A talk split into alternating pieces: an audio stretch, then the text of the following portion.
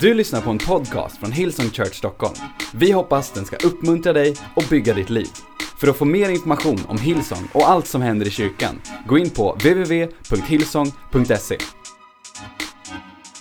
Amen, amen, amen. Well, vi ska gå in i, i Guds ord. Tack teamet. Uh, eh, vi är inne i ett tema som uh, heter Kyrkan har lämnat byggnaden, men Gud har inte lämnat kyrkan. Um, vi kan ju inte samlas, det har vi pratat färdigt om kan det kännas som. Men grejen är, jag ska ärligt talat säga att det här temat föddes lite utifrån en frustration inom mig.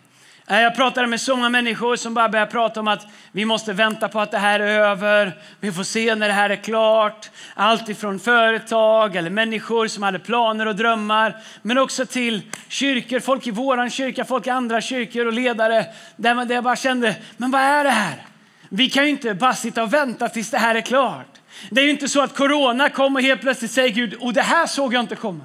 Jag säger inte att Gud eh, har sänt det här eller vill att det här ska vara här. Utan vi lever i en trasig värld, en värld som vi människor på många sätt har format utifrån eh, faktiskt ett beslut att inte involvera Gud i vårt sätt att leva. Och, och, och vi, vi skördar frukten av det på många sätt. Men Gud har aldrig haft en säsong där han tänkte, vad ska jag göra nu? Gud har aldrig någonsin stått inför ett faktum där han har funderat på hur ska vi ta oss igenom det här? Gud har aldrig någonsin tänkt tanken, vad har jag för plan nu? Utan Gud, säger Bibeln, han är före alltid, han är efter alltid, han existerar i alltid samtidigt. Bibeln säger att han är igår, idag och i all evighet. Så den här säsongen som vi bara skulle kunna sitta och vänta ut, säger Gud, hej, jag är med i den jag är. Men Gud säger också, jag är redan i framtiden så jag vet vad ni kan göra om ni bestämmer er för att göra någonting. Och när jag började tänka på det så tänkte jag, vi måste ta vara på det här opportunityt som den här hösten ger. Av att vara i en säsong vi aldrig har varit i och, och, och eh, om vi med Guds hjälp aldrig kommer hamna i igen. Kanske är det så att Gud vill använda den här säsongen för att hjälpa oss att återupptäcka vad hans plan med sin kyrka är. För mig så har det varit bara att slungas tillbaks till när vi startade vår kyrka. När vi inte hade allt det här som jag tackar Gud för att vi har nu. När vi bara hade en grupp, liten grupp människor och en dröm om att få göra en skillnad. En dröm om att få bygga någonting som skulle påverka. Då pratade vi inte om en nation, då drömde vi om och, och kanske att fem människor en dag skulle bli frälsta, eller tio, eller kanske en dag tjugo. Vi drömde om att få påverka nästa generation. Men med tiden när vi har gjort det som Gud har lagt i våra hjärtan så har det ändrats till att vi bygger en kyrka som förvandlar en nation. Och jag tror att det finns något viktigt för oss som kyrka att lära oss och fånga i den säsong vi är i. Inte bara vi som kyrka, som organisation eller som whatever, du vet så system. Utan kyrka, du och jag. Jag tror att Gud vill att du och jag ska återupptäcka någonting i vår kristna tro, i vårt sätt att vara lärjungar och kyrka. Uh, idag så blir det, det blir rätt mycket bibel. All right? Jag har inte jättemycket tid, så det kommer gå fort. Jag vill bara säga det, jag ber om ursäkt till tolkteamen. Idag kommer det gå undan. Det kommer lite bibelord på engelska också, men jag vet att det är en smart crowd som vi pratar till idag, eller church rättare sagt. Kyrkan har lämnat byggnaden, men Gud har inte lämnat kyrkan. Del 2. I Efesierbrevet kapitel 1, vers 11. Kanske det viktigaste bibelordet i hela Bibeln för mig personligen. Där står det It's in Christ that we find out who we are and what we're living for. Long before we first heard of Christ and got our hopes up, he had his eyes on us, had designs on us for glorious living. Kan låta den ligga kvar i, i, i nedre bilden lite grann. Så vill jag bara säga några saker om den. Jag älskar första raden där det står It's in Christ that we find out who we are and what we're living for. Vet du vad? Vem du är sitter inte i ditt jobb. Vem du är sitter inte i om du har kommit in på en utbildning. Vem du är sitter inte om du har blivit lämnad. Det sitter inte i om, om du har fått, eh, fått en partner i sommar. Vem du är hittar du i Kristus. Du är inte komplett tillsammans med en annan människa. Du kan vara lycklig tillsammans med en annan människa, men du är komplett tillsammans med Kristus. Bibeln säger it's in Christ, det är i Kristus vi upptäcker vilka vi är och vad vi lever för. Får jag fråga dig min vän, vad lever du för? Vad lever du för? En del kanske skulle säga, jag lever för mina barn. Jättebra, det gör jag med. Jag lever för min partner. Det gör jag också. Men vet att det finns något ännu djupare? Det finns en mening med att du finns till. Jag pratar inte bara till dig som ännu inte känner Gud. Jag talar till dig som har känt Gud i hundra år, om du nu finns. I 30 år, 40 år, 50 år. Paulus skriver i Fesbrevet, It's in Christ, det är i Kristus som vi upptäcker vilka vi är och vad vi lever för. Min vän, har du upptäckt, har du hittat vad du lever för? Bibeln säger att, vi är, att Kristus har frälst oss och kallat oss. Genom hela Nya testamentet så indikerar Bibeln att det finns inte bara frälsning för oss, räddning från synd, en ny start i livet, att det också finns en mening med våra liv. Att det finns ett syfte med ditt liv. För dig som kanske inte känner Gud. Tänk om det finns mer än att födas, leva några år och dö. Tänk om det finns svar på frågor. Vem är jag? Varför är jag här? Vad är meningen med mitt liv? Vad ska jag göra med det här? Du kan pröva fylla det med framgång, success, allt möjligt. Du kan prova fylla det med prestige, status, allting.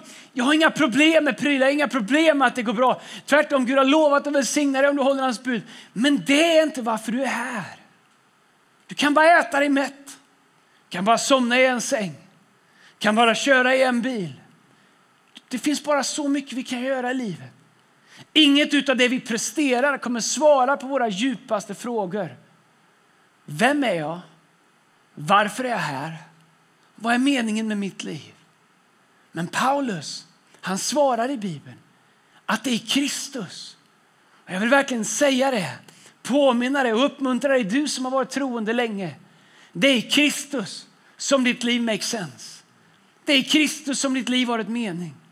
Inte bara i frälsningen utan faktiskt också att leva kallad. Att leva ett liv där du är frälst och kallad. Där du har kopplat frälsningsupplevelsen, friheten, nåden till uppdraget som Gud har för dig. Får jag ställa dig en fråga? Vet du vad ditt uppdrag är? Kanske nej, jag vet inte vad mitt uppdrag är. Då måste vi ställa oss frågan, är det för att Gud är svår?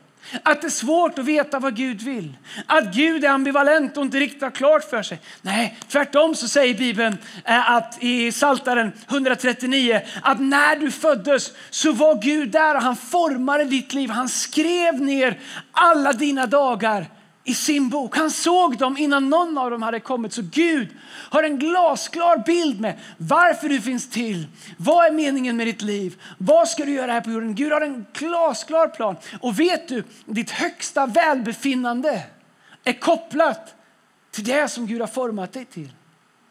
Men ibland så nöjer vi oss med att leva frälsta. Och vi glömmer att meningen med livet är att leva kallade till det liv som psalm 139 säger att Gud har förberett för oss. Och så står det i den här versen, long before we first heard of Christ and got our hopes up. Jag direkt översätter, långt innan vi först hörde om Kristus och fick hopp hade han sina ögon på oss. Och han hade en design för oss, för glorious living. Jag vet inte ens om man säger det på svenska, men jag älskar det. Vet du, jag älskar när pastor Brian säger det. Glorious living. Jag kan inte ens säga det. Glorious living. Okej, okay, det var inte så coolt. Det låter bättre här inne än hos er. Men vet du, Gud har inte bara tänkt att du ska överleva.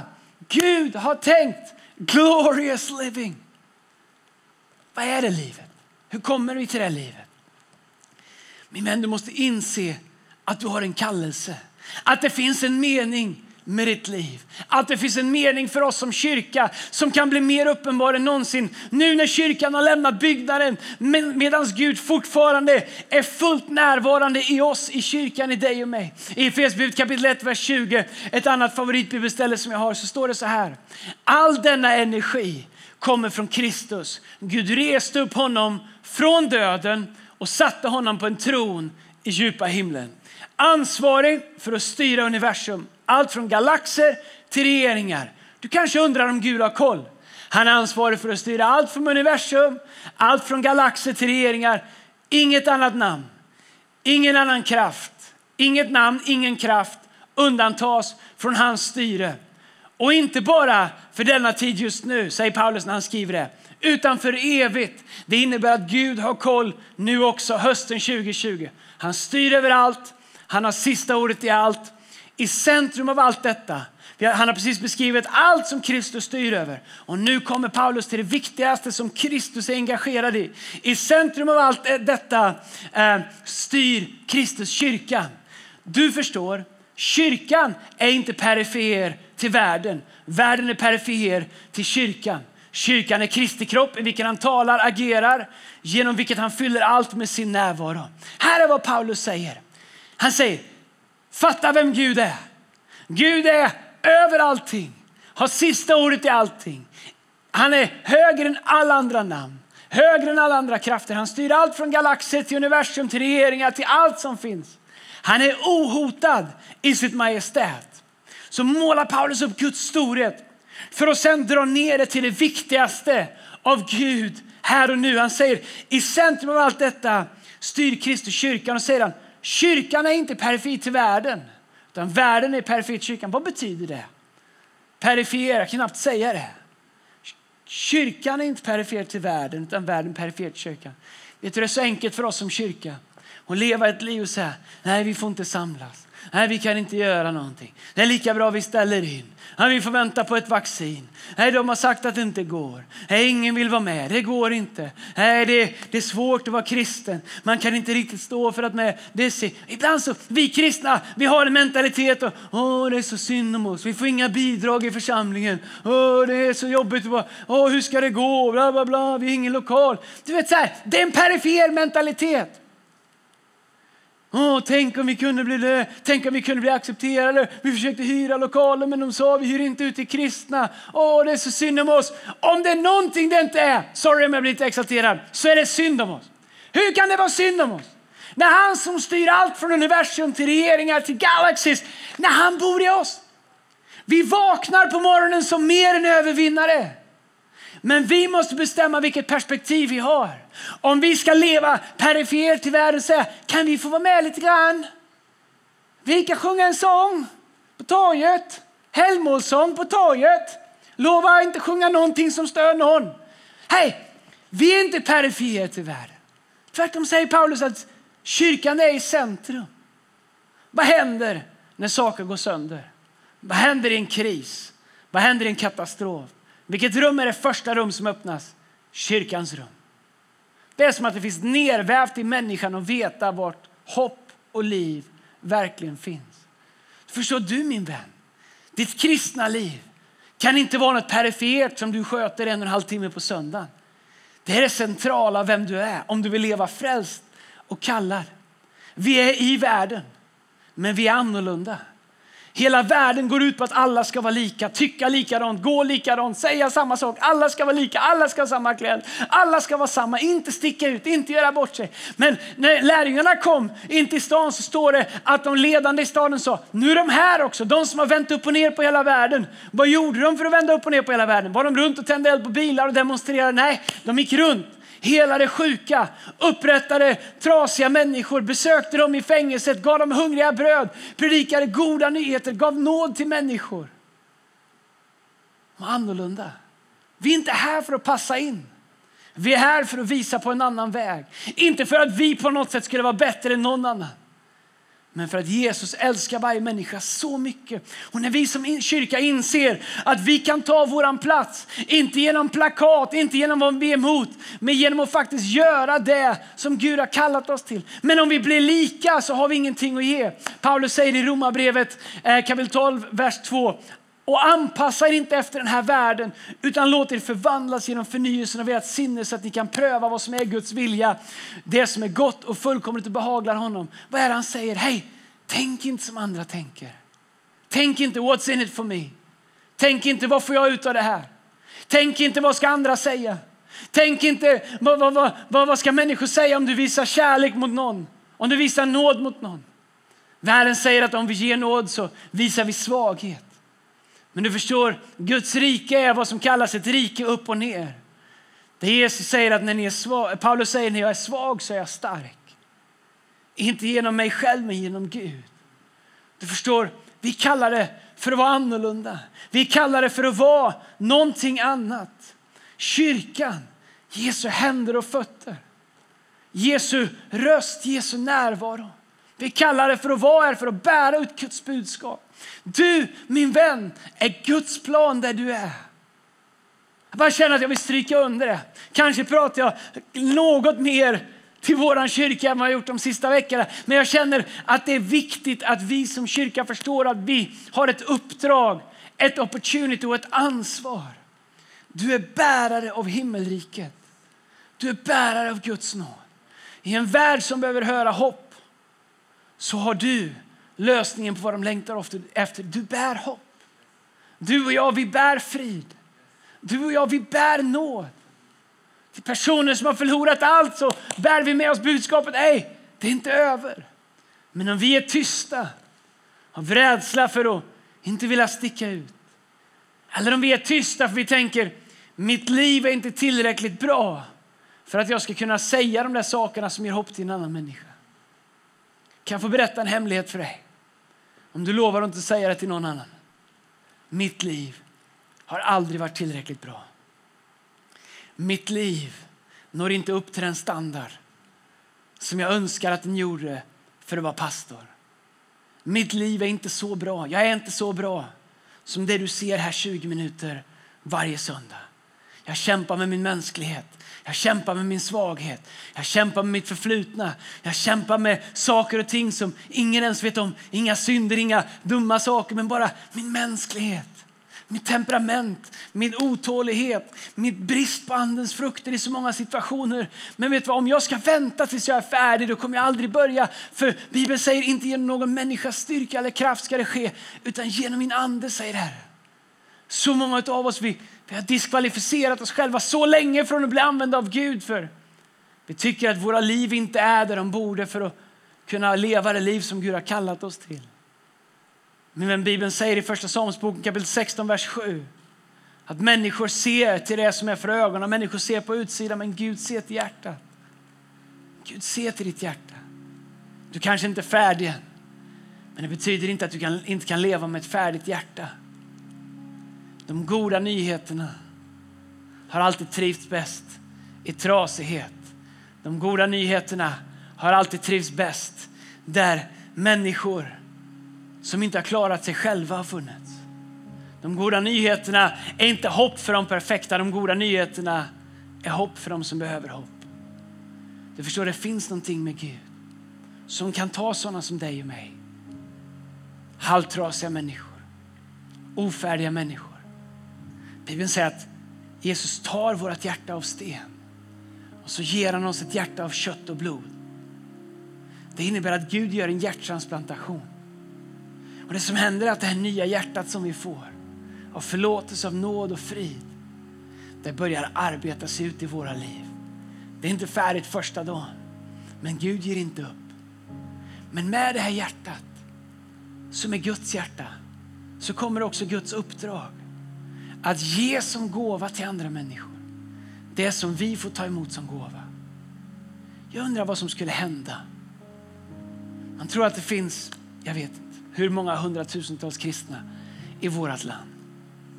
Om vi skulle bestämma oss för att leva för, inte vad vi är emot, utan vad vi är för. Om varje morgon hundratusentals kristna människor bestämde sig för att ta fånga varje dag är att ge nåd, hopp, frid, kärlek, förlåtelse, frihet, upprättelse till varje människa vi träffar. Ibland behöver du inte ens säga någonting. Det syns i dina ögon. Det märks på dina böner för de här personerna. I dina kärleksfulla handlingar. I rätt ord i rätt tid. Min vän, kyrkan har lämnat byggnaden. Vi är bara några stycken här som spelar in. Men Gud har inte lämnat kyrkan. Gud har inte tagit bort sitt uppdrag ifrån oss. Kanske är det så att han mer än någonsin har skickat ut oss som en gerillarörelse i varje del av samhället i varje del, i varje miljö. Jag tänker på när skolorna börjar, hur tusentals rustade unga människor kan gå tillbaka till sina skolor. Stå upp mot mobbing, stå upp mot orättfärdighet. Ha andligt råg i ryggen och våga leva ett annat liv för att de har varit på samma camp. Jag tänker på dig, hur du kan gå till din arbetsplats eller till ditt närområde och bestämma dig för att bära himmelriket dit. Jesus undervisade när var han, sa himmelriket är nära. Sen säger han himmelriket är redan här. Därför att himmelriket bor i dig och mig. Guds rike i oss. Där du är, där är Guds rike. Du förstår, den helige ande vill inte bara fylla dig. Han vill ut ur dig. Han vill till andra människor genom dig.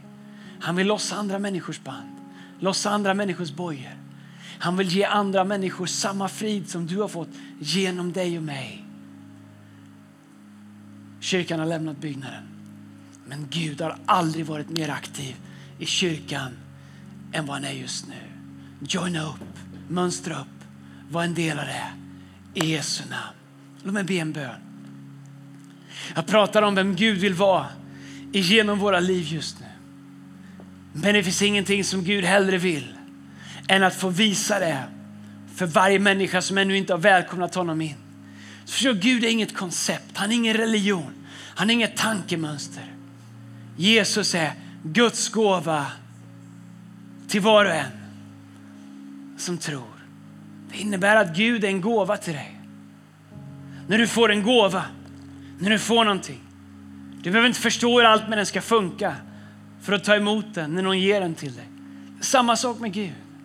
Att inte förstå allting om Gud och använda det som en anledning till att inte ta emot den gåvan som Gud är i ditt liv. Är det som makes sense? Det är inte vettigt och det är inte rimligt. Men att ta emot gåvan som Gud är och säga Jesus, jag tar emot dig.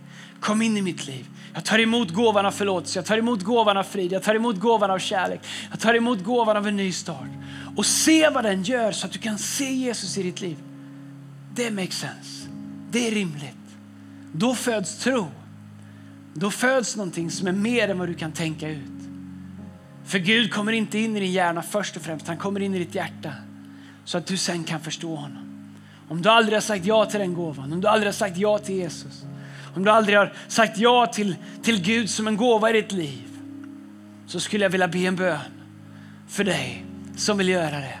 Om du vill ta emot gåvan av Gud, gåvan av Jesus, gåvan av frälsning, gåvan av frid, gåvan av hopp, gåvan av tro för första gången. Eller du en gång har tagit emot det men du känner att du har tappat det och du behöver få ett nytt möte med Gud. Om du är någon av de människorna, du som för första gången vill ta emot gåvan eller du som behöver få ett nytt möte med Gud, då vill jag be tillsammans med dig. Be den här enkla bönen tillsammans med mig som kommer upp på din skärm just nu. Alla som vill ha det här idag, be den här bönen. Tack Jesus för att du älskar mig. Jag öppnar mitt hjärta och jag tar emot din kärlek. Tack att du förlåter min synd och ger mig nytt liv.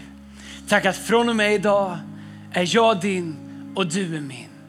Tack Jesus att ingenting kan skilja mig ifrån din kärlek. Jesu namn. Jesu namn.